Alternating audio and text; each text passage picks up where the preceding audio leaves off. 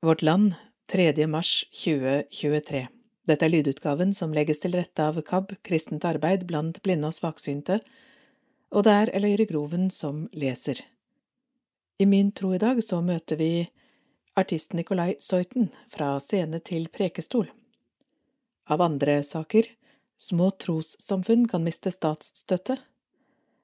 Sveitsisk vindkraftselskap vurderer søksmål mot staten hvis vindmøllene på Fosen blir tatt ned. Og det skal handle om kampen mellom Tajik og Brenna.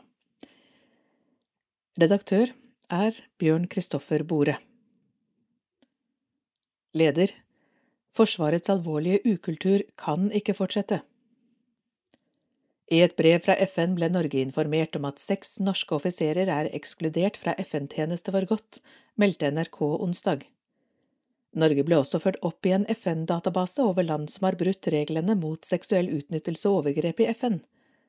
De militære tjenestepersonene var del av et fredsbevarende FN-oppdrag i Sør-Sudan, der hele målet med operasjonen var å beskytte sivile, blant annet mot seksuelle overgrep.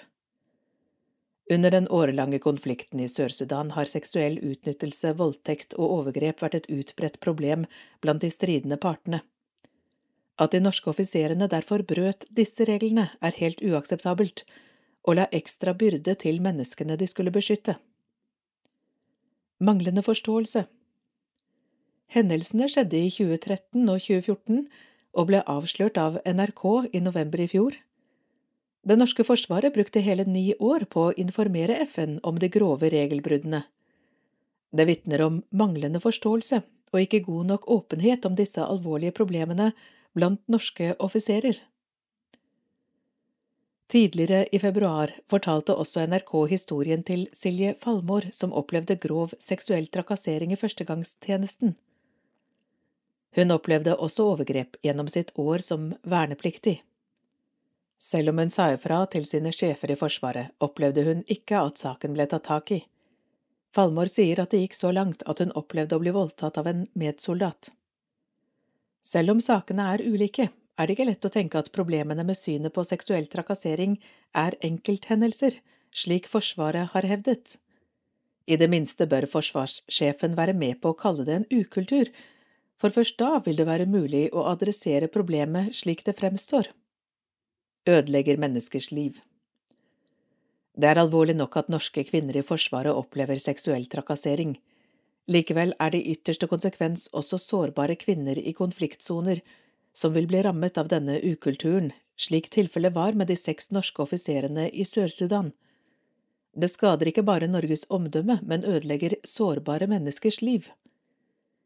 Problemene med seksuell trakassering i Forsvaret ser ut til å være så alvorlige at det ikke holder med en holdningskampanje. Forsvaret, som ellers ikke har problemer med å ta i bruk militær disiplin, bør også ta i bruk sterkere lut i kampen mot seksuell trakassering og overgrep. Kommentaren i dag er skrevet av skribent Erling Rimehaug. Når jøder utøver pogrom Israelske myndigheter bruker harde midler mot palestinsk terror. Mot jødisk terror synes de mer tafatte. Første gang jeg var i Hovara for snart 30 år siden, kjørte jeg med en israelsk buss. Her gjelder det å kjøre fort, for her kan vi bli skutt på, sa turlederen. Sist søndag ble to israelske tenåringer skutt og drept da de kjørte gjennom Hovara. Hovedveien mellom de to viktigste palestinske byene Nablus og Ramallah går midt gjennom Hovara. Det er også adkomstveien til en rekke israelske bosettinger i åsene rundt. Jeg har vært flere ganger i Hovara og alltid blitt vel mottatt der. Da har jeg fått høre historier om bosetterangrep mot byen. Det har også forekommet steinkasting og skyting mot israelske biler, men det som har skjedd nå, er av en helt annen skala. En pagrom. Etter drapene sist lørdag sperret den israelske hæren av Hovara og lette etter drapsmannen, men de stanset ikke gjengen av bosetterungdom som strømmet ned mot byen på søndag mens de ropte på hevn og blod. De gikk løs på innbyggerne de fant, tente på biler og på hus, også der det befant seg folk inne. En palestiner ble drept. Mandag dominerte bosetterne fortsatt byen, melder Times of Israel. Statsminister Benjamin Netanyahu har bedt folk om å ikke ta loven i egne hender, men generalmajor Yehuda Fuchs, som har kommandoen i området, sier at det som skjedde ikke kan kalles å ta loven i egne hender. Han kaller det for en pagrom, ordet som vanligvis brukes om dødelige opptøyer rettet mot jøder. Løvens hule Mannen som skjøt de israelske ungdommene, hadde på seg en genser med merke til Løvens hule. Det er en palestinsk motstandsgruppe av ungdommer basert i Nablus som det siste halvåret har utført flere terrorangrep mot israelere. Ved å ha på seg denne genseren markerte drapsmannen at han ville hevne det israelske raidet mot Nablus noen dager tidligere. Jeg har mange morgener gått fra det moderne kjøpesenteret i sentrum av Nablus og over gaten til de overbygde smugene i den ottomanske gamlebyen, der kjøpmennene er i ferd med å åpne butikkene. Det er et yrende liv på den tiden men sist onsdag morgen rykket store israelske militærstyrker med tunge våpen inn akkurat på den tiden. I sammenstøtene som fulgte ble elleve palestinere drept og hundrevis såret. Israelerne var ute etter tre medlemmer av Løvens hule, som befant seg i et hus i området. Tafatt reaksjon En lignende aksjon fant sted i slutten av januar i flyktningleiren Jenin. Også der ble skarpskyttere først smuglet inn med kjøretøy med palestinske kjennetegn, før soldater i fullt kamputstyr rykket inn i pansrede kjøretøy. De ble møtt av steinkasting og skyting med håndvåpen fra palestinerne. Et titalls palestinere ble drept, blant annet en bestemor som ble skutt da hun tittet ut fra vinduet for å se hva som foregikk. De massive aksjonene den israelske hæren setter i verk for å ta mistenkte terrorister, står i en sterk kontrast til den tafatte reaksjonen på jødisk terror. De få som ble arrestert for aksjonen i Owara, er allerede satt fri. Bosetterangrep med brannstiftelse har jevnlig forekommet i mange år, og det er ytterst sjelden noen blir straffet.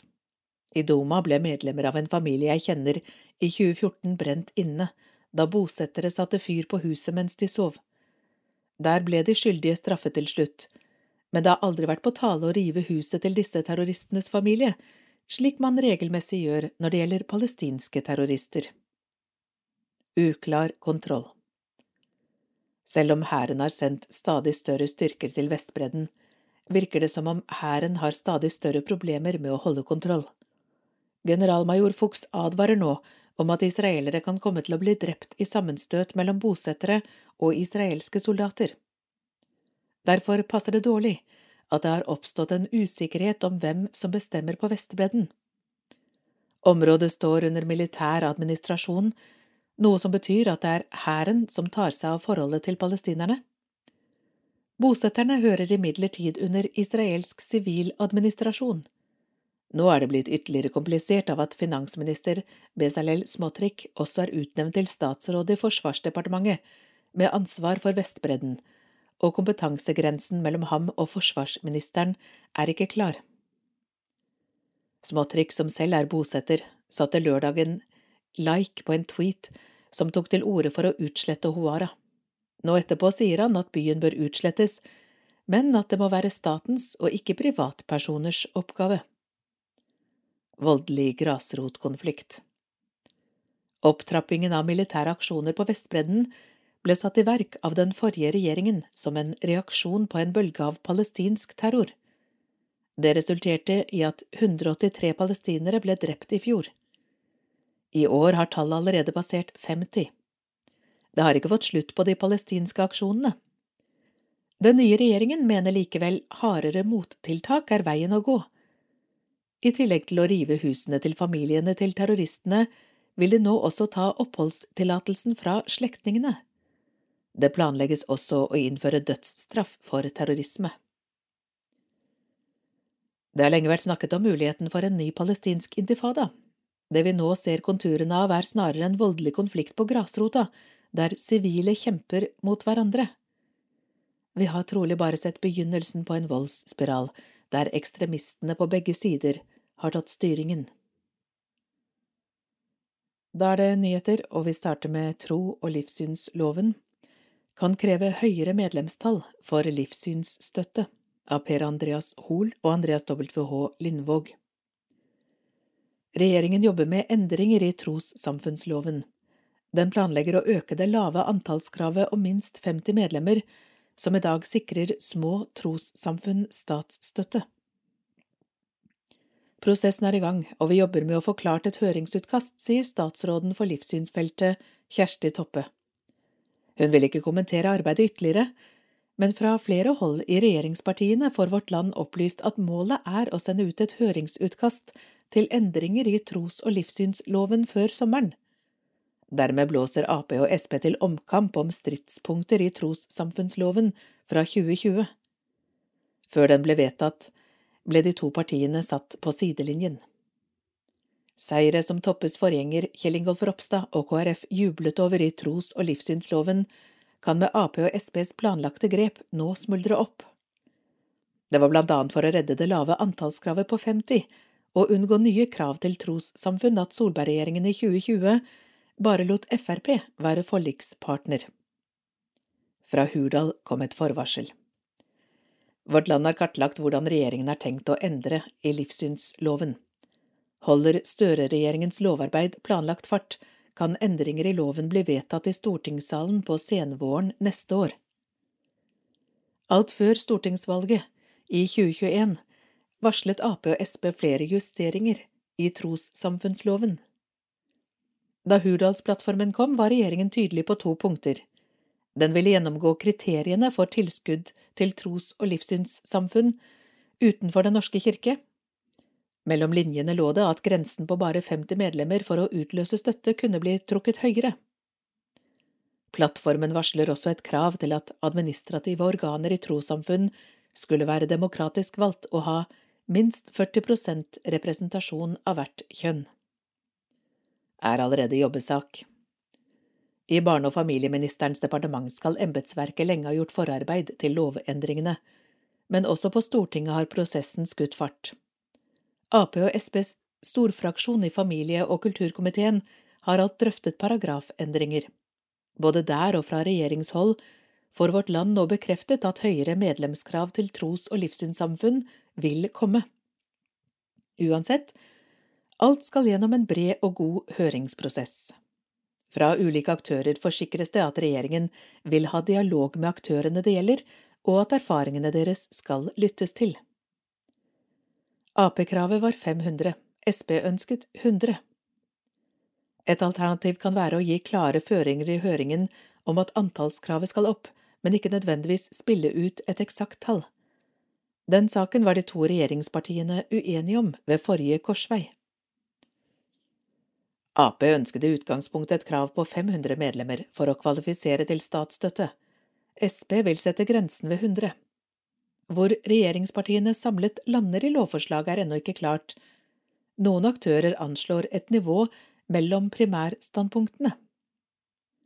I 2018 utgjorde medlemmene i tros- og livssynssamfunn utenom Den norske kirke 12,3% av befolkningen Målt i medlemstall er de fleste tilskuddsmottakerne små. Hele 43% av dem hadde færre enn 100 medlemmer, ifølge stortingsinnstillingen den gang. Sjekker også ut en svensk modell. Det er småmenigheter i distriktene, migrantmenigheter og mindre frikirkelige samfunn som blir mest utsatt om medlemskravet høynes fra dagens 50. Også svenskenes modell for fordeling av livssynsstøtte blir sjekket ut, Spesielt i Aps stortingsleir har man rettet blikket mot denne. I nabolandet er det nemlig Myndigheten for stød til trossamfunn under Kulturdepartementet som fordeler støtten til trossamfunn. Medlemskravet er så høyt som 3000. Småmenigheter må inngå i større paraplysammenslutninger for å få støtte. Kan bli nødt til å skaffe seg paraply. Det svenske myndighetsorganet skal også sørge for dialog med trossamfunnene om deres rolle i den demokratiske samtalen i landet. Ordningen har inspirert Ap her hjemme, som gikk til valg på å styrke kontakten mellom myndighetene og trossamfunn. Å bygge et nytt sekretariat av denne typen i Norge kan fort bli dyrt, erkjennes det. Dessuten har to statsforvaltere tilsynsmyndighet allerede. Etter det vårt land forstår, er tankegangen hos Ap og Sp å bidra til at flere små tros- og livssynssamfunn kan forme paraplysamarbeid. I bunn ligger ønsket om å sikre bedre tilsyn, men også unngå at små trossamfunn i distriktene får trøbbel med endringene. Noen nøtter må knekkes. Regjeringen møter utfordringer med det andre livssynspolitiske endringspunktet i Hurdalsplattformen, lovfeste nye 40 prosents kvinnekrav og demokratikrav. Disse vil også gjelde Den norske kirke. Flere krevende spørsmål melder seg, etter det vårt land kjenner til, i arbeidet. Nye krav må være i pakt med internasjonale konvensjoner som omhandler religionsfrihet. Hvor langt skal kravene gjelde? Til det enkelte menighetsråd?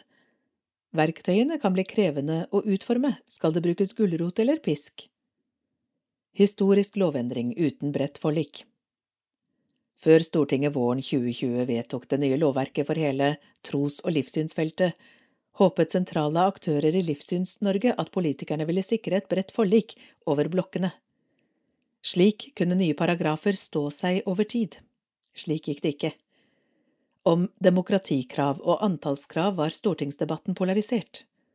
Det var Solberg-regjeringen og Frp mot resten. Men i innstillingen den gang ga SV de borgerlige partnerne uventet støtte på ett punkt – å sette antallskravet for statsstøtte så lavt som til 50 medlemmer. Da drar vi til Arbeiderpartiet og nestlederkampen. Ap-topper vil ha både Tajik og Brenna som nestledere, av Ragnhild Grongstad og Andreas WH Lindvåg. Tunge apenavn som Tuva Moflag og Trine Lise Sundnes vil ha både Tonje Brenna og Hadia Tajik i partiledelsen. I så fall må Bjørnar Skjæran og trolig Kjersti Stenseng vike. Jeg mener at det må være plass til to så dyktige politikere som Tonje Brenna og Hadia Tajik i partiets ledelse. Det håper jeg valgkomiteen også ser, skriver Trine Lise Sundnes i en SMS til Vårt Land. Hun er stortingsrepresentant for Arbeiderpartiet og tidligere leder i Handel og Kontor, et stort LO-forbund. Sundnes får støtte fra stortingsrepresentant Tuva Moflag, som er fra Akershus, samme fylke som Tonje Brenna. Tonje Brenna og Hadia Tajik er to dyktige kvinner som jeg har latt meg imponere av på nært hold. De har begge fått til mye som statsråder, og de har på hver sine måter stått i krevende lederoppgaver. Jeg håper de begge får plass i Aps ledelse, skriver Moflag til Vårt Land. Ramme Skjæran og Stenseng Nestlederdebatten er for lengst i gang, to måneder før Aps landsmøte første helg i mai. Flere sier som Sundnes og Moflag når Vårt Land spør. Hadia Tajik og Tonje Brenna er de flinkeste damene vi har. Nå trengs det nye krefter i ledelsen, sier Vadsø-ordfører Wenche Pedersen. Hele partiledelsen er per definisjon på valg på hvert landsmøte, sier varaordfører i Stat kommune Siri Sandvik.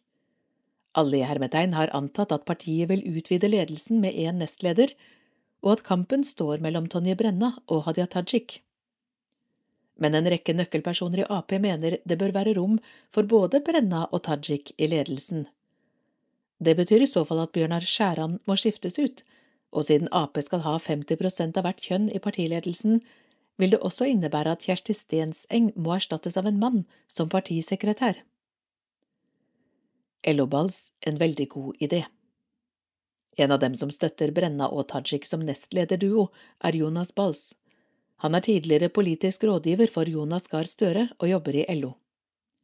Bør det være rom for begge i Ap-ledelsen?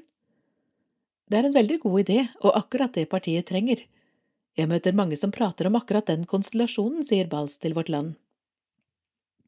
Bals peker særlig på Tajiks gjennomførings- og styringsevne. Å få begge to inn i ledelsen ville gitt en god kombinasjon av fornyelse, styringserfaring og ideologisk forankring, og beherskelse av finanspolitikken. Det er lett å glemme det, men styringsevnen er så utrolig grunnleggende for Ap, sier Bals og legger til. Dessuten er jo Tajik høyt elsket på grasrota i fagbevegelsen. Hun har levert på arbeidslivspolitikken som ingen annen arbeidsminister har gjort etter krigen, og når alt kommer til alt, er det jo resultatene vi blir målt på. Rogaland Ap åpner for slik løsning. Det var et enstemmig styre i Rogaland Ap som lanserte Hadia Tajik som nestlederkandidat. Styrets talsperson bekrefter at de er åpne for en løsning der både Tajik og Brenna får plass i partiledelsen. Vårt primære vedtak er at Hadia bør få den ledige nestlederplassen, men hvis valgkomiteen ser behov for endringer i lederkabalen utover det, så er vi åpne for at det kan bli en løsning, sier Karmøy-ordfører Jarle Nilsen. Han forteller at andre fylkeslag har tatt kontakt om en slik løsning de siste dagene. Andre fylkeslag har spilt inn den tanken om strategien. De har pekt på at det kan være en omforent løsning som kan styrke ledelsen i partiet. Men dette kommer ikke fra Rogaland, og jeg har ikke hørt medlemmer i styret vårt snakke om det, sier Nilsen. Ros fra Troms og Stad. Begge fortjener plass. Tove Karoline Knutsen, tidligere stortingsrepresentant fra Troms, sier både Tajik og Brenna fortjener en plass øverst i partiet. De er to rasende dyktige damer, og begge er en berikelse for enhver partiledelse, sier hun til Vårt Land. Det er mange posisjoner man kan være i, både statsråd, i sentralstyret og i en lederkabal. Jeg håper man finner plass i dem begge, fortsetter Knutsen. Også varaordføreren i Stad, Siri Sandvik, mener begge må med i ledelsen. Tajik og Brenna er nok de to beste kvinnene Ap har nå for tiden. Sånn situasjonen er for Ap med dårlige målinger over tid, har ikke vi råd til å sette dem opp mot hverandre, sier hun. Sandvik understreker at hele partiledelsen i Ap per definisjon er på valg hvert landsmøte. Da må vi, som parti, være villige til å se på hele kabalen i ledelsen. Vi må også ha full tiltro til at valgkomiteen nå gjør et godt og grundig arbeid med alle de signalene de får internt og gjennom media og alt.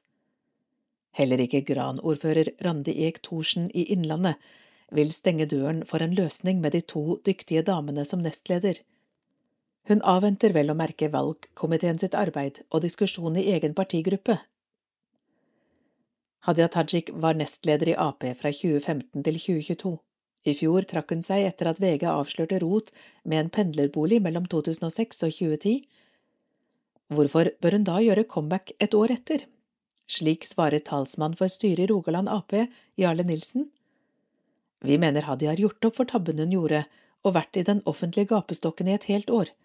Hun har betalt og gått av som statsråd og nestleder. Nå mener vi tiden er moden for at hun bør tre inn i partiledelsen sentralt igjen. Nylig sa Haugesund-ordfører Arne Christian Moen til VG at det er fort tidlig med Tajik comeback i partiledelsen.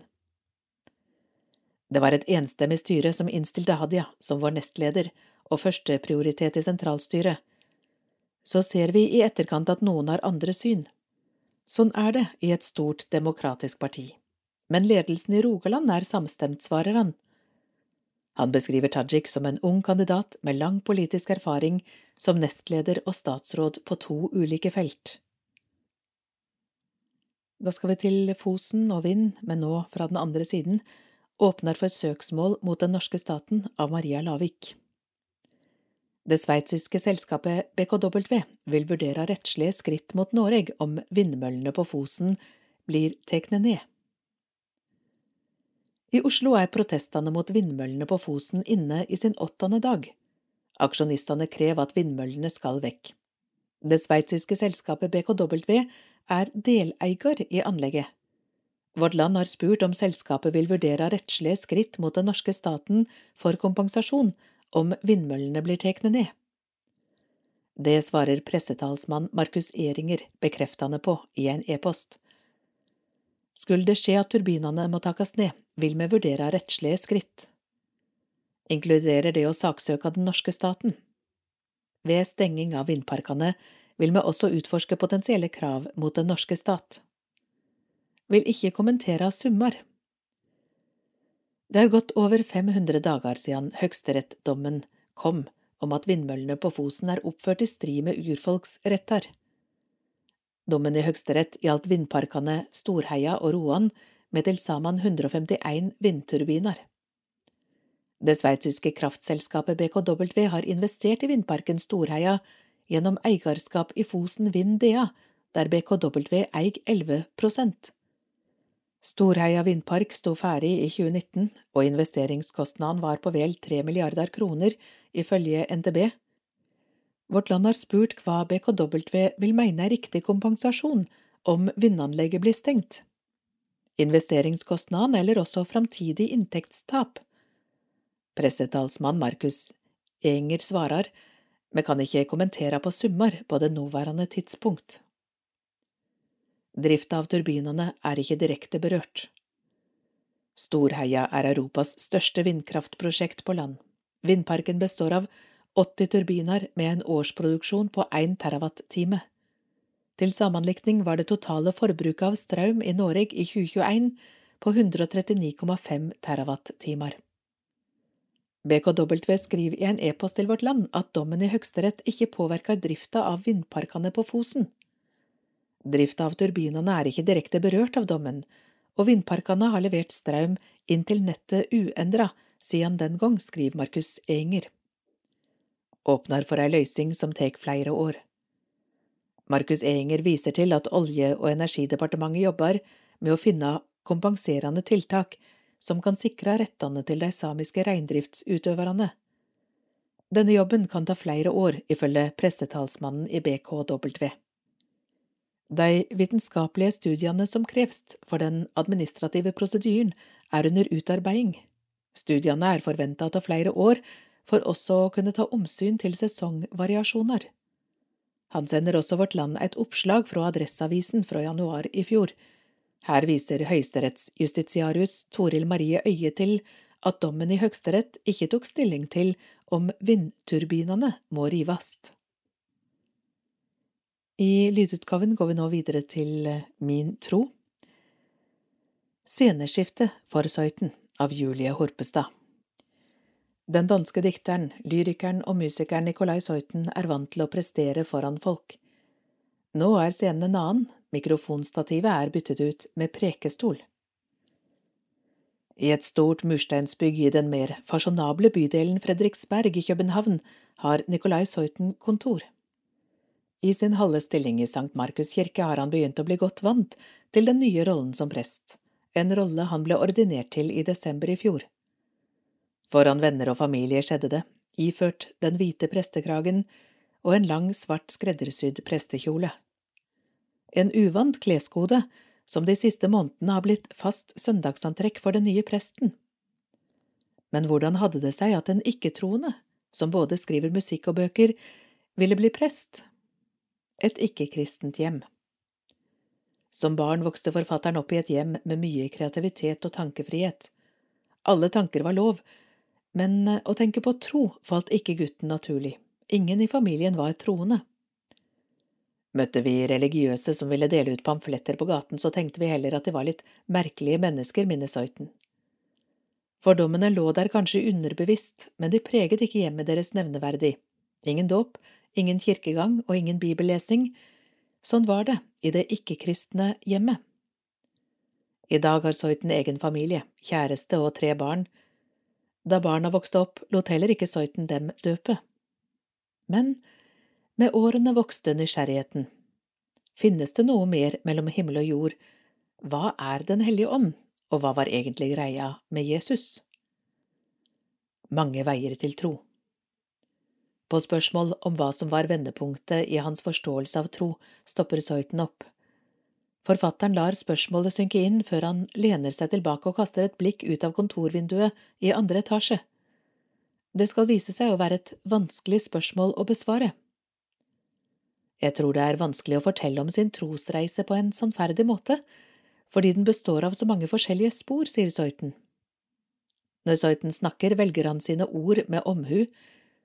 På måten han formulerer seg på, er det lett å forstå at han i tillegg til å være prest, bruker tiden på å skrive bøker og sangtekster. Det var aldri ett øyeblikk som snudde opp ned på hans gudstro, heller en interesse som over tid utviklet seg til noe mer en solid tro og et ønske om å forkynne, forklarer han. Band med et gudsbegrep Når Soiten begynner å nøste opp i trosreisen sin, trekker han frem bandet Skammens Vogn, som han og to kompiser startet i 2006. De musikkinteresserte vennene han fikk på skolen, var åpne, og i fellesskapet dem imellom ble det skapt rom for å prate om eksistensielle spørsmål, personlige problemer og utfordringer med det å være menneske. Vi utviklet et språk som inneholdt et gudsbegrep. Språket vårt var litt humoristisk, i tillegg til å være seriøst på samme tid, beskriver Søyten. Etter hvert fikk også sangtekstene et innslag av det språket de hadde skapt dem imellom. Da bønn ble en del av hverdagen. Innenfor familien Søytens fire vegger var det ikke bare problemfritt. Da han var barn, skilte foreldrene seg, og moren utviklet en alkoholavhengighet. For å bearbeide inntrykk fra barndommen begynte derfor den danske forfatteren på et tolvtrinnsprogram arrangert av Adult Children of Alcoholics, ACA, for fire–fem år siden. ACA har samme grunnstruktur som anonyme alkoholikere, og er for barn av alkoholikere og andre dysfunksjonelle familier. Gjennom programmet gjelder det å jobbe med følgene av det å vokse opp i et hjem med alkoholisme. Man snakker om en makt og en gud, men det er opp til deltakerne selv hva de legger i begrepene. Programmet har et slags kristent tankegods, sier Søyten. Samlingene bestod i å dele erfaringer, men også å be sammen. Dette var hans første møte med en åndelig praksis. Vi satt rundt et bord, og så tok man ordet om man ønsket. Folk delte svært personlige og vanskelige ting. Da han var ferdig i terapi, tok han med seg én ting inn i hverdagslivet sitt, nemlig bønnen. Kirkesporet. Samtidig som lyrikeren brukte kvelder sammen med andre som i likhet med ham hadde vokst opp tett på alkoholisme, begynte Soiten også å gå i kirken. Enda et spor til hans fascinasjon for tro. Jeg hadde et behov for å søke til et sted hvor jeg kunne ha en åndelig praksis uten å måtte være så synlig eller dele så mye personlig. Etter å ha fått den hjelpen han trengte, sluttet han på tolvtrinnsprogrammet etter litt under to år. Han begynte heller å gå fast i kirken hver søndag. Jeg ble bare langsomt glad i det, glad i den tradisjonen og den praksisen man har i kirkerommet. Jeg likte å knele sammen med mennesker jeg nesten ikke kjente, og gjøre noe intimt og uvant som man ellers ikke gjør. Et prestekall. Under søndagsgudstjenestene begynte en tanke å slå ham. Det kunne like gjerne være han som sto og forkynte i det han beskriver som idiotiske klær. Etter oppfordring fra flere hold begynte han på en erfaringsbasert master for å bli prest. Jeg var litt nervøs for å komme ut av kristenskapet, men både familie og venner har vært veldig støttende. Og støtte viste de blant annet da Soiten og barna lot seg døpe under koronapandemien. Da den eldste jenta, Lise, skulle konfirmeres, ville hun gjøre det kirkelig, og hun måtte derfor døpes først. Omtrent samtidig hadde den danske forfatteren tatt fatt på prestestudiene og ville selv la seg døpe. Han syntes det ville vært fint og naturlig om hans to sønner, Per og Ole, også ville la seg døpe i kirken, og det ville de. Jeg tror ikke mine barn ser på seg selv som troende eller kristen, men jeg føler at jeg likevel har gitt barna mine en gave. Nå kan vi snakke om religiøse ting, om tro, og vi har noe å henvise til. Jeg føler det er en viktig dimensjon å ha med hjemmefra. Soiten beskriver øyeblikket som bevegende. Og nå, som neste barn i rekka skal konfirmeres, må konfirmanten gå i høymesse som en del av konfirmasjonsundervisningen med sin far som prest. Det er hyggelig at han ikke syns det er pinlig. Fra hverdagslitteratur til Bibelen Som forfatter har Søyten skrevet mye om det hverdagslige livet, men fra prekestolen snakker han derimot fra en bok han beskriver som et vanvittig rot, usammenhengende og selvmotsigende, nemlig Bibelen. Jeg synes det er vanskelig å skrive om tro og om Gud i en skjønnlitterær kontekst, men det er en spennende utfordring. Han synes lovsang og salmer kan være vanskelig å forholde seg til, og mener man kan bekjenne tro på andre måter, gjennom andre former. For noen år siden ga han ut diktsamlingen Langt fra Gud, og om et par måneder gir han ut en oppfølger, Langt fra Gud 2, der tro er tema. Jeg prøver å ta en helt ny take på kristen poesi. Jeg vet ikke helt hva jeg skal kalle det, det er som David Lynch møter Frans Kafka og Grundtvig. Det interesserer meg å se villskapen, mystikken og det vanvittige i troen, men igjen så tror jeg at en god hverdag er en god hverdag der også innhold av det vanvittige og gåtefulle er synlig. Man skal undre seg og være åpen for at man ikke forstår alt det som foregår. Men selv om poeten har fått et nytt yrke, har han ikke tenkt å gi slipp på skrivejobben helt ennå. Han tror at hvis det er noen dikt som skal skrives, så skjer det. Dummet seg ut Som lyriker, forfatter og musiker er Soiten vant til å stå på en slags scene. Han er vant til at folk ser arbeidet hans og mener noe om det. Nå er scenen en annen. Mikrofonstativet er byttet ut med prekestolen.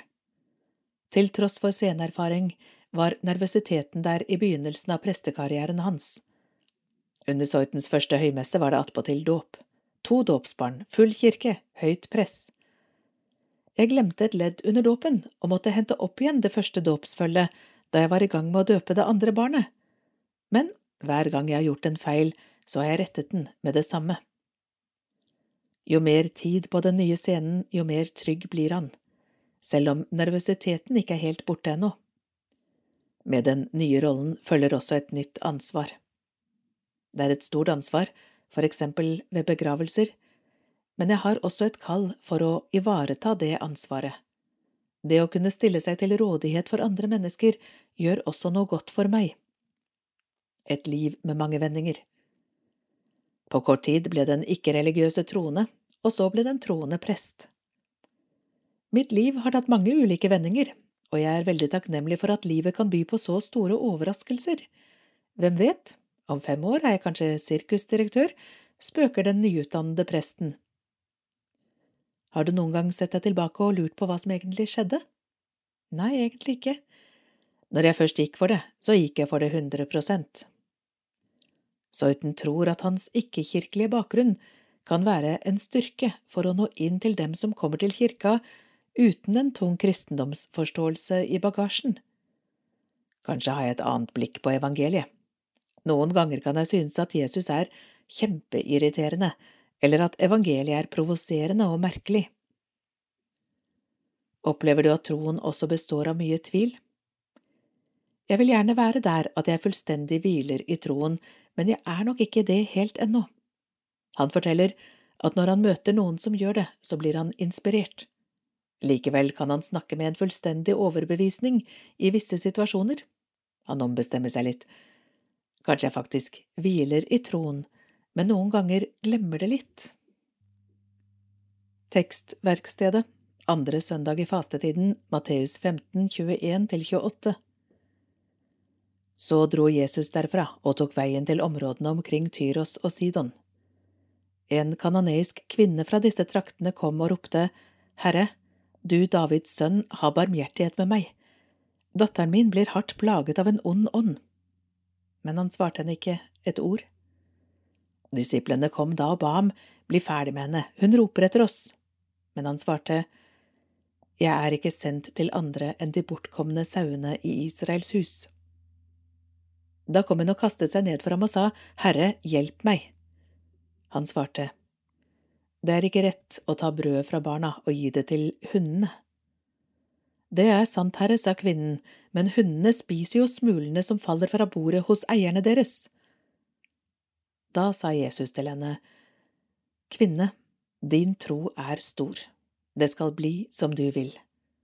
Og datteren ble frisk fra samme stund. Å stå for og mot av Sunniva Gylver, sogneprest i Fagerborg menighet. En god protestant gjør to ting, gjerne samtidig, står opp og protesterer mot det hun syns er feil, og for det hun tror på. Denne uka har bildene av aksjonister fra Norske Samers Riksforbund, Norat og Natur og Ungdom gått verden rundt. Ungdommene har blokkert inngangene til flere departementer etter at de midt på natten ble hentet ut av Olje- og energidepartementet av politiet. De protesterer mot at myndighetene ennå ikke har fjernet vindturbinene på Fosen, 500 dager etter at Høyesterett dømte oppsettingen ulovlig. Jeg følger noen av dem på nært hold og har stor respekt og beundring for hvordan de aldri tar lettvint på sivil ulydighet, setter seg grundig inn i sakene de aksjonerer for, og oppviser et mot og en utholdenhet i kampen for fellesskapet og for det de tror på, som mange av oss kan lære av. Den norske kirke står i en protestantisk tradisjon. En god protestant gjør to ting, gjerne samtidig, står opp og protesterer mot det hun syns er feil, og for det hun tror på. Ordet protestant kommer fra latinsk protestare og vitne for noe. Vi har som kirke mye å vitne for og kjempe mot. Fastetiden gir en hjelp til å stå i det. Den utfordrer oss på å anerkjenne og ta på alvor kampen mot det onde i oss selv og i verden, og vår tilkortkommenhet i den kampen. Fastetiden minner oss på at denne kampen på ett plan allerede er vunnet, og at vi aldri står alene i den. Vi oppmuntres til å stoppe opp, feste blikket på Jesus og midlertidig gi avkall på goder som tar mye av tiden, kreftene eller pengene våre, og heller dele mer med andre. I søndagens tekst er det også kamp på gang. En kvinne kjemper for sitt syke barn. Det er nesten så man håper at færrest mulig leser denne teksten, hvor er det blitt av den Jesus vi møter i så mange andre fortellinger, han som viser omsorg for og løfter fram de mest sårbare og utstøtte? Hvorfor i all verden er han så utrolig usympatisk mot en kvinne som ber for sitt syke barn? Tekst er tekst. Flere ganger nedskrevet, redigert, oversatt, tolket, formidlet. Ingen av oss var til stede da dette skjedde langt mindre inne i hodet til Jesus. Kanskje trengte han en vekker. Kanskje var han så sosialisert inn i sin tid, sitt folk, sin kultur og sitt miljø, som menneske og mann, at han måtte møte motstand for å fatte rekkevidden av sitt kall. Jeg håper egentlig han skjønte at denne damen ikke ville gi seg i første omgang, og at hun, med sin motstandskraft og utholdenhet, kunne bli et inspirerende forbilde på en trassig tro en tro som roper, maser, skriker og slåss, og ikke gir seg. Det finnes mange sånne damer opp gjennom historien og inn i vår tid. Kvinner som har kjempet for dem og det de elsket, det de brant for, trodde på eller ville beskytte. Kvinner som har slåss for allmenn stemmerett og kvinners likeverd. Kvinner som har protestert mot alt som truer livet, fellesskapet og menneskeverdet kvinner som har stått opp for barna sine, faget sitt, utsatte minoriteter, lokalsamfunnet sitt, planeten vår. Det samme kan heldigvis sies om mange menn, men akkurat nå er det kvinnene vi snakker høyt om. En fin oppkjøring til kvinnedagen. Hilsen en protestant, takknemlig for fastetiden. Vi går over til verdidebatt og helse og omsorg. Innlegget er skrevet av Erika Eidslott og Steven Siris, henholdsvis ph.d.-stipendiat og professor ved Vid vitenskapelige høgskole. Mer kompetanse med hjertevarme. Ideelle aktører tilbyr det lille ekstra og innovative løsninger forankret i profesjonalitet. Det er politisk vilje for å sikre vilkårene for ideell vekst, men intensjonene må oversettes til handling. Vi har lenge hørt at bestemor er på anbud, men de virkelige mottiltakene lar vente på seg. Det har vært økende politisk interesse for ideell vekst de siste årene. Stortinget fattet i årene 2016 til 2018 ti anmodningsvedtak for å styrke ideelle aktører. I Hurdalsplattformen 2021 vedtok regjeringen å fase ut kommersielle barnevernsaktører. Våren 2022 utløp 122 avtaler med kommersielle barnevernsaktører. Dette kunne blitt et kjærkomment mulighetsrom for å fase ut kommersielle aktører, likevel ble avtalene markedsutsatt. I august 2022 oppnevnte regjeringen et offentlig utvalg av Kommersialiseringsutvalget, som utreder hvordan kommersiell drift kan fases ut av skattefinansierte velferdstjenester. Interessen skorter det ikke på, det er snarere handlingskraften som mangler. Ideelle aktører påpeker at det behøves mer kunnskap om å utforme anbudskonkurranser til ideelles fordel. Men oftest vektlegges pris fremfor eventuell ideell merverdi, til tross for politiske visjoner og lovnader. Dersom samfunnet skal redusere kommersiell vekst, trenger vi kunnskap om offentlige anskaffelser. Nettopp ideell sektors særtrekk, merverdi og impact er tema for et forskningsprosjekt ved VD vitenskapelige høgskole, hvor den ene forfatterens ph.d.-arbeid utforsker anbudspraksiser. En kompleks velferdsstat I dagens velferdsstat garanterer det offentlige for innbyggeres velbefinnende gjennom ulike tjenester. Velferdsstaten er et norsk varemerke, et symbol på et trygt sosialdemokratisk samfunn. Slik har det ikke alltid vært. Tidligere sørget filantropiske initiativ for å dekke befolkningens helse- og omsorgsbehov. Som pionerer avdekket og møtte de befolkningens helse- og omsorgsbehov. Forholdet mellom ideelle organisasjoner og det offentlige var den gang preget av samarbeid. Med innovativ kraft fungerte ideelle aktører som et korrektiv overfor manglene i det offentlige tilbudet og krevde mer statlig innsats. De opprettet sykehus og gikk inn i krevende rom preget av elendighet og nød, slik som Frelsesarmeens slumsøstre. Historiker Annelise Seip beskriver vekselvirkningen slik, sitat, Det offentlige kom ofte til dekket bord, man måtte nok betale for kuverten, men man kunne også øve kontroll med virksomheten, sitat slutt. Samarbeidet med det offentlige og ideelle stiftelser vedvarer, men konteksten er annerledes. Velferdsstaten er ikke lenger forankret i en dominerende offentlig sektor ispedd ideelle tilbydere med gode verdier som avkastning. Med 1980-tallets høyrevridning kom New Public Management med på lasset. Etter markedstenkningens inntog er velferdsstatens sfære saktens preget av ulike og til dels motstridende verdier. Vi har fått såkalte velferdsprofitører, profittmaksimerende foretak, som selger tjenester til det offentlige i anbudskonkurranser, der omsorgens avkastning kan investeres i skatteparadis. Fra tidlig 2000-tall har vi fått høre at bestemor er på anbud. Utsagnet vekker uro. Selv ikke sårbare brukergruppers behov er fritatt butikktenkning i velferdstjenestene.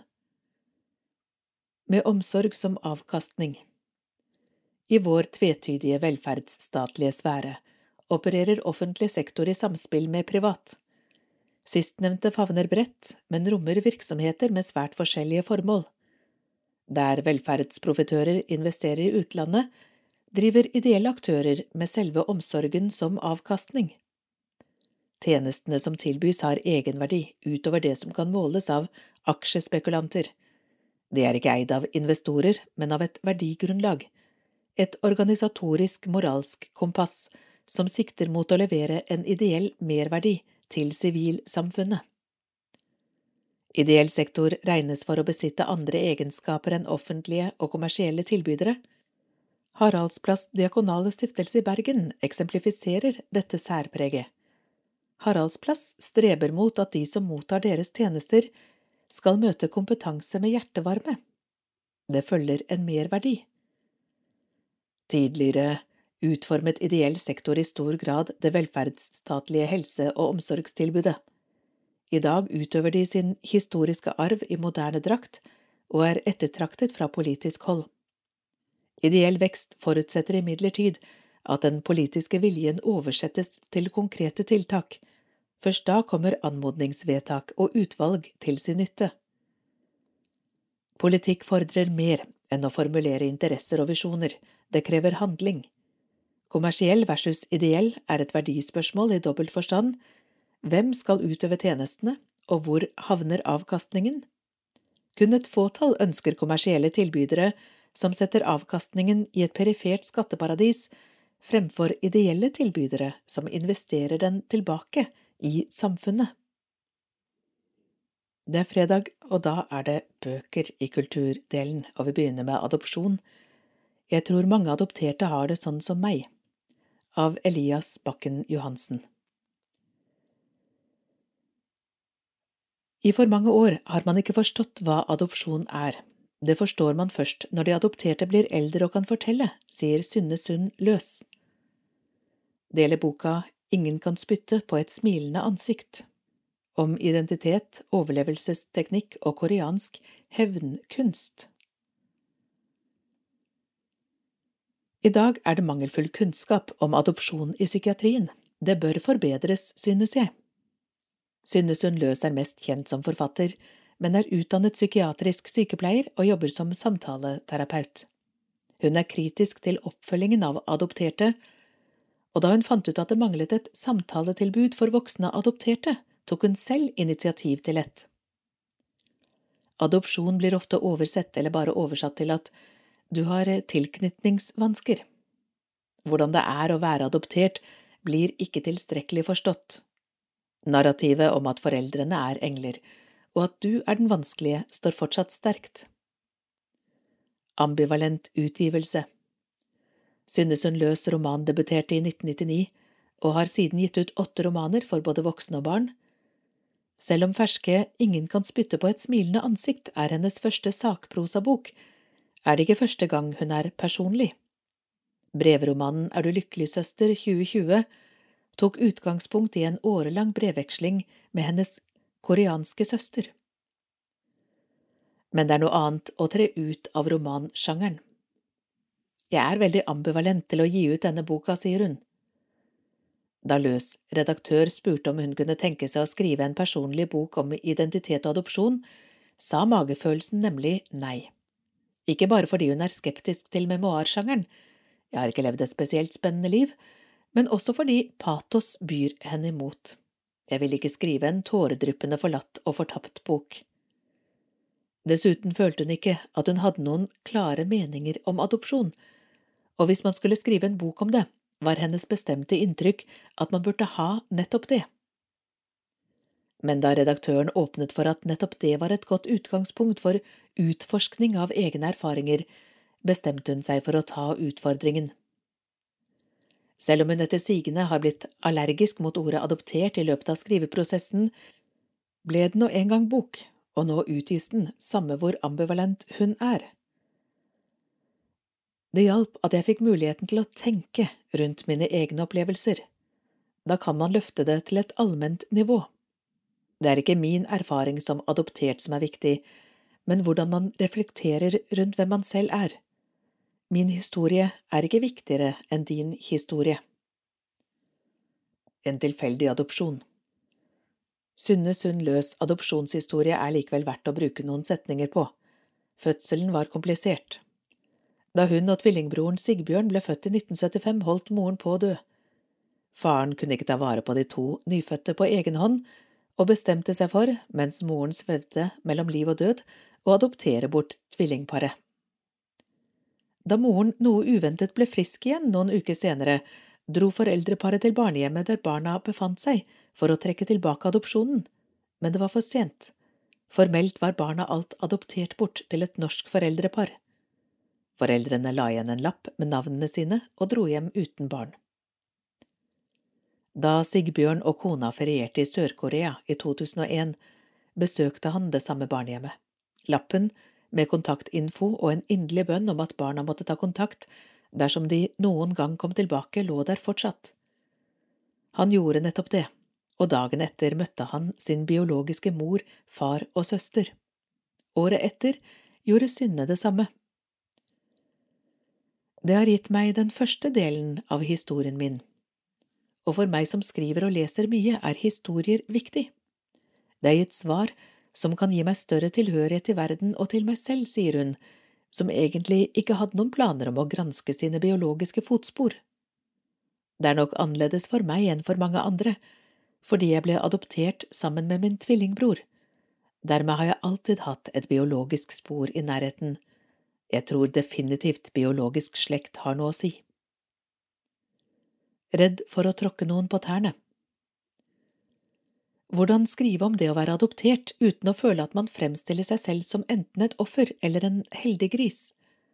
Det har vært det springende punkt for Løs siden hun stilte spørsmålet i en kronikk i Morgenbladet i fjor.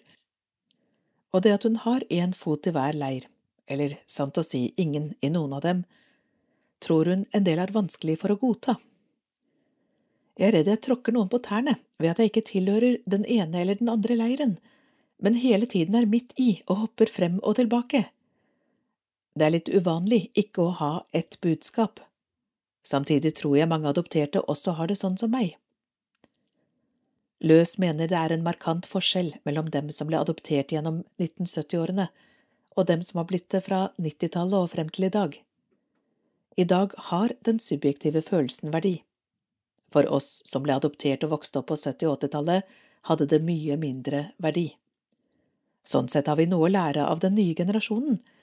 Vi må kanskje gå i oss selv og konfronteres litt med hvor mye skam vi faktisk har integrert i oss, og som får uttrykk som tilpasning. Løs opplever at mange adopterte i hennes generasjon har blitt tilpasningsdyktige på en overkompenserende måte.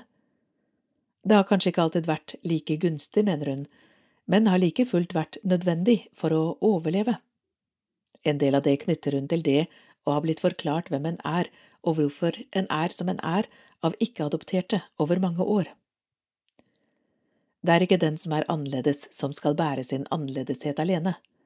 Jeg ønsker at samfunnet, de som ser og observerer det som er annerledes, skal forstå at det er dem jeg skriver om.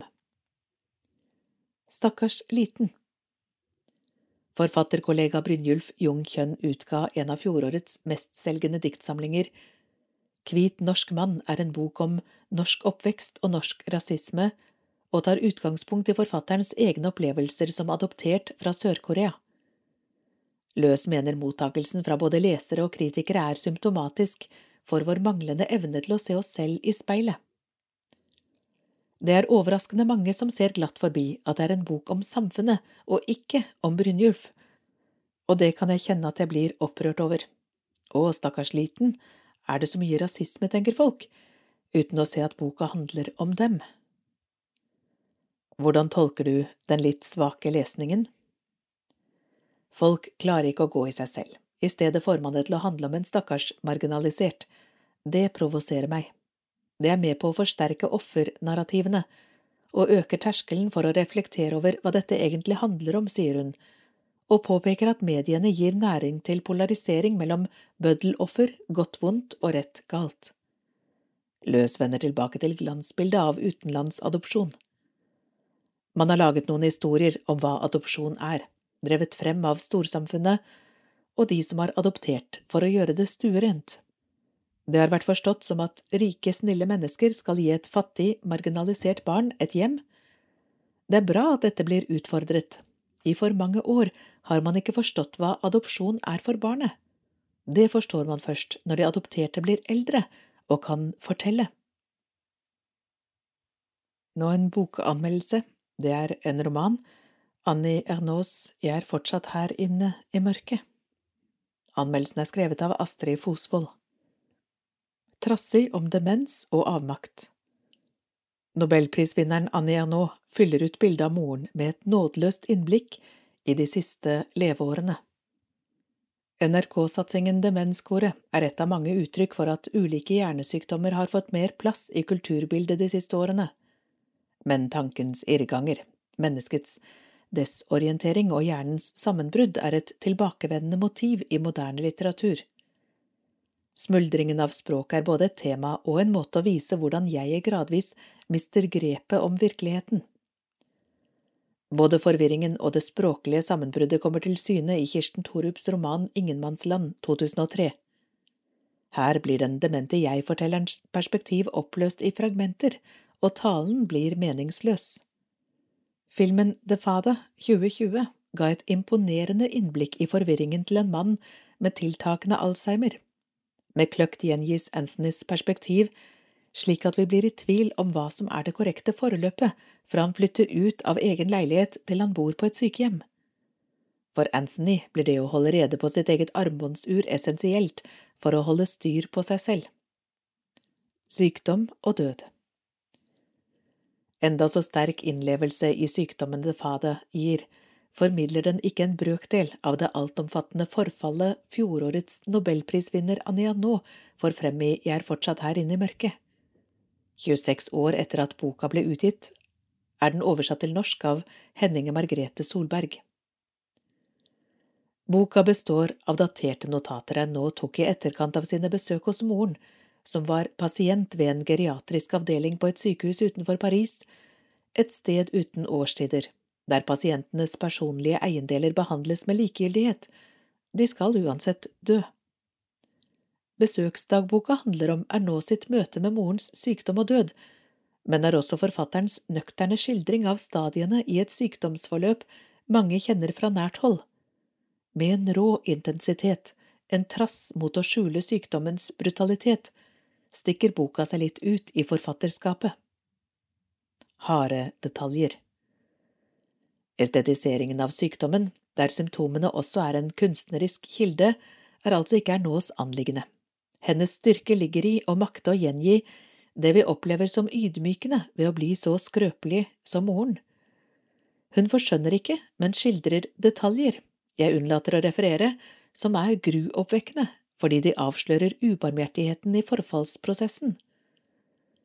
Beskrivelsene blottlegger konkret og ærlig både det ubønnhørlige sykdomsforløpet og aldrende og demente kvinner. For her nå får moren av og til en umenneskelig fremtoning, slik at leseren føler hvordan det må være å se sin egen mor i en slik forfallsprosess. I En kvinne, som utkom i 1987, ti år før denne, sier forfatteren at hun tilstreber en skrivemåte der hun vektlegger å se moren i lys av hennes oppvekst og tilhørighet. Hun vil samtidig bevare rent følelsesmessige bilder av moren. Med Jeg er fortsatt her inne i mørket oppnår hun å gjengi slike bilder i sin opplevelse av morens skrøpelighet og sorgen over hennes død. Ikke bare skiller besøksdagboka seg fra hennes øvrige verk, den kompletterer bildet av Ernaux forhold til moren. Sammenhengen mellom Jeg er fortsatt her inne i mørket og en kvinne er sterk. Sistnevnte åpner med morens begravelse. Hun døde i 1986, og de siste sidene sammenfatter forløpet som inngående beskrives i nærværende bok. Uten at Ernaux motsier seg selv, veksler den litt analytiske avstanden i en kvinne til et innblikk i et mer komplekst forhold mellom mor og datter i denne boka. Ernaux viser frem nærheten til moren som mor, Redselen for å miste henne hviler over notatene. Hun innser, men vil ikke, at morens tid skal være forbi. Hun hadde godtatt at hun ble en liten jente igjen, og hun skal ikke bli stor. Rollebytte Tittelen Jeg er fortsatt her inne i mørket er hentet fra et brev moren var i ferd med å skrive mens hun bodde hjemme hos datteren i starten av sykdomsforløpet, og utsagnet Jeg er fortsatt her inne i mørket rommer jo en nådeløs innsikt. Hun som uttaler det, har en bevissthet om at hun befinner seg i et mørke, og formidler at hun stadig har en jeg-følelse. Tidsangivelsen i fortsatt skaper også en anelse om at jeg i setningen aner at det også vil gå tapt. Et av tegnene på at moren mister seg selv, er at hun tror hun er Annie. Rollebyttet preger relasjonen sterkere etter hvert som moren forsvinner inn i barndommen, det gir forfatteren mulighet til å ta inn små glimt av episoder fra sin egen oppvekst, som jo også rommer scener fra morens liv som voksen. Samtidig som moren taper minnet om sitt eget liv, skriver datteren livet hennes inn i historien. Identifikasjonen mellom moren og datteren tilfører en personlig valør som også preger en kvinne, men samtidig har tekstene om moren et blikk som i mine øyne bidrar til og nedfelle en unikt kvinnelig erfaring i skrift. Bevare også det vonde. Sterkest inntrykk skaper Ernaas egen maktesløshet i situasjonen, den dårlige samvittigheten over å forlate moren på hjemmet, fortvilelsen som følger hennes død. Boka forfatter flere sider av allmenne livserfaringer, den virker barsk, men er ikke mindre verdifull enn de mer forsiktige portrettene av Alzheimers sykdom. Jeg er fortsatt her inne i mørket, fremstår kompromissløs, men nyanserer den unike erindringsalleen som verkene til Anne Ernaux er. Samtidig farges boka av Ernaux sitt credo, som gjennomsyrer hennes glitrende minneverk, et ønske om å bevare, forstå, men først og fremst bevare, også de vonde sidene hører med. Så skal vi til boken Liv og døden – kristne perspektiver på bioetikk av Morten Magelsen, sakprosa. Kyndig, men også omstridt om bioetikk og kristen tro, av Svein Åge Christoffersen. Morten Magelsen vil at teologien skal legge premissene for når fosteret får moralsk verdi, men argumentene hans overbeviser ikke. Morten Magelsens bok om livet og døden er, som undertittelen viser, en bok om kristne perspektiver på bioetikken. Perspektiver er et velvalgt ord. Magelsen vil ikke bare mene, han vil også drøfte og vurdere hva kristen tro i bioetikken vil kunne innebære i praksis. Dermed kommer boken til å handle like mye om kristendom og kristen tro som om bioetikk. Det gjør den både tankevekkende og utfordrende på flere plan. I det innledende kapittelet redegjør Magelsen for bokens grunnlag og tenkemåte, mens han i det avsluttende kapittelet gir en mer sammenfattende fremstilling av bokens kristne bioetikk og drøfter forholdet mellom etikk og juss. Innrammet av disse kapitlene skriver Magelsen om livshjelp og dødshjelp, prioriteringer i helsevesenet, reproduksjonsteknologi, teknologisk oppgradering i hermetegn av mennesket, fostermedisin, abort og til sist om profesjonsetikk og samvittighetsfrihet. En rekke av de mest utfordrende spørsmålene krever inngående kjennskap til avanserte former for medisinsk teknologi og behandling. Magelsen er imidlertid en kyndig og pedagogisk veileder inn i medisinens krevende landskap. Boken er svært velskrevet, og faktisk forbløffende lettlest, problemene tatt i betraktning. Den er også spekket med gode resonnementer og vurderinger, som det ikke er vanskelig å ta til seg.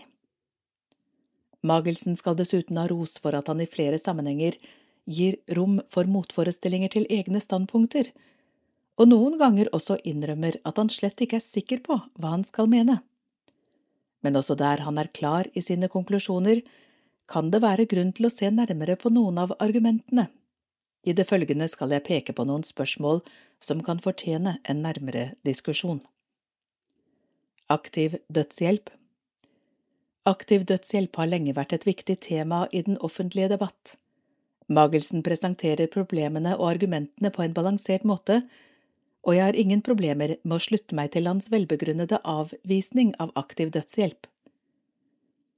Jeg synes imidlertid han blir for ukritisk når han løfter fram kunsten å dø, ars moriendi, som en kristen tradisjon.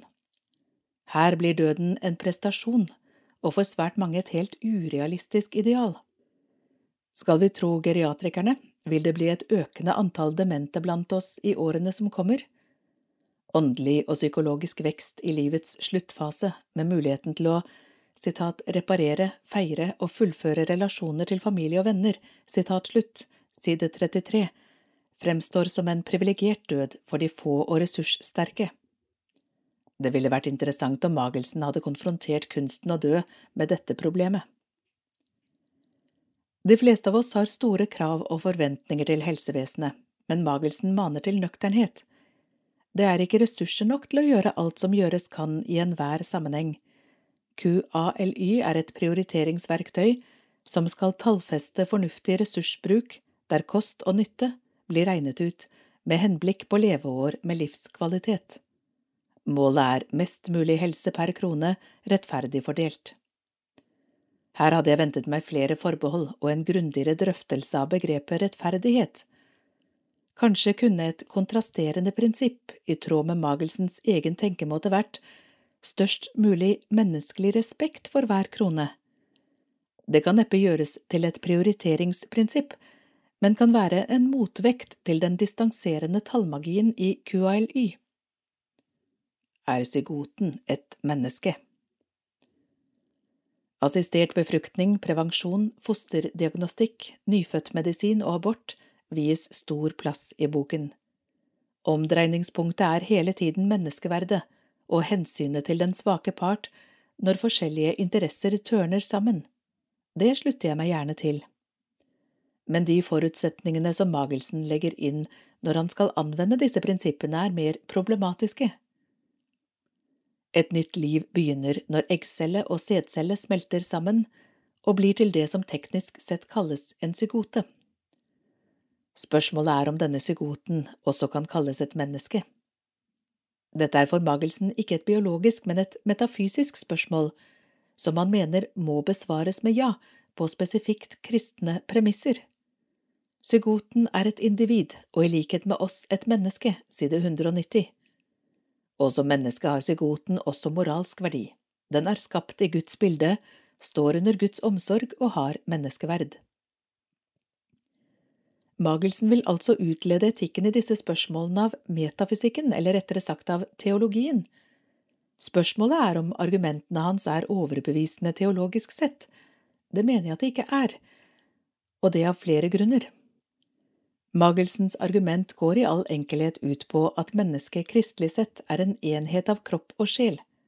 I og med at psykoten inneholder planen for sin utvikling i sitt DNA, fremviser den sentrale aspekter ved det som Aristoteles og Thomas Aquinas i sin tid mente med begrepet sjel. Slik sett har psykoten sjel, og er følgelig et individ og menneske som oss, side 189 til 190. Men er det virkelig slik at sjelen er menneskets DNA, og er psykoten et menneskelig individ bare fordi den har et DNA? De spesifikt teologiske argumentene glimrer med sitt fravær. Fosterets levedyktighet Magelsen avviser det han kaller for gradualismen, som innebærer at fosteret får økt verdi i takt med vekst og utvikling. Men også Magelsen er gradualist, siden også han, når det kommer til stykket, vil gjøre forskjell på fostre og fødte mennesker, side 200. Den som må velge mellom å redde et fem år gammelt barn og et befruktet egg, velger selvfølgelig barnet. Det er forskjell, side 201. Forfatteren er naturlig nok kritisk til dagens abortlov og vil aller helst tilbake til den gamle ordningen med abortnemnder, selv om han innser at det er helt urealistisk. Han drøfter imidlertid ikke det premisset som ligger til grunn for dagens abortlov, og det er fosterets levedyktighet. Loven forutsetter at det skjer noe kvalitativt nytt det øyeblikk fosteret kan løsrives fra mors liv og få sitt eget liv. Vi har ikke bare én metafysisk overgang i et menneskes tilblivelse, vi har to, befruktningen og fødselen. Her er det et metafysisk hull i Magelsens resonnement. Kristen tro og allmenn etikk Magelsen henviser både til kristen tradisjon og til naturretten, men begge deler blir upresise størrelser uten konkrete referanser. Magelsen forteller oss hva tradisjonen og naturretten sier, men han belegger det ikke. Det spesifikt kristne får anledning til å utfordre naturretten, men naturretten får sjelden eller aldri utfordre det spesifikt kristne. Det henger nok sammen med at allmenn etikk blir fremstilt som en menneskelig konstruksjon, mens kristen etikk er et uttrykk for Guds vilje. Jeg forstår godt at Magelsen også vil argumentere på allmenne premisser, men jeg forstår ikke hvorfor han griper til naturretten på denne måten. Forholdet mellom allmenn og spesifikt kristen etikk har vært et sentralt tema i skandinavisk skapelsesteologi i mer enn 70 år. Her er det store ressurser som Magelsen kunne øst av, også i bioetisk sammenheng. Men det har han oversett. Han har, så vidt jeg kan se, også oversett den første utredningen av forholdet mellom bioetikk og kristen tro i norsk sammenheng, som Kirkerådet sto for, allerede i 1989. Utredningen ble utgitt under tittelen Mer enn gener, som signaliserer et litt annet syn på grunnlagsproblemene enn det Magelsen legger opp til. Sekretær for utredningen var dagens preses i Den norske kirke, Olav Fykse Tveit. Svein Åge Christoffersen er professor emeritus i etikk, religionsfilosofi og fundamental teologi ved UiO. Da er eh, dagens lydutgave av Vårt Land slutt. Men eh, Fredagsavisen er jo, som dere som pleier å høre på, vet, litt større enn det vi får plass til.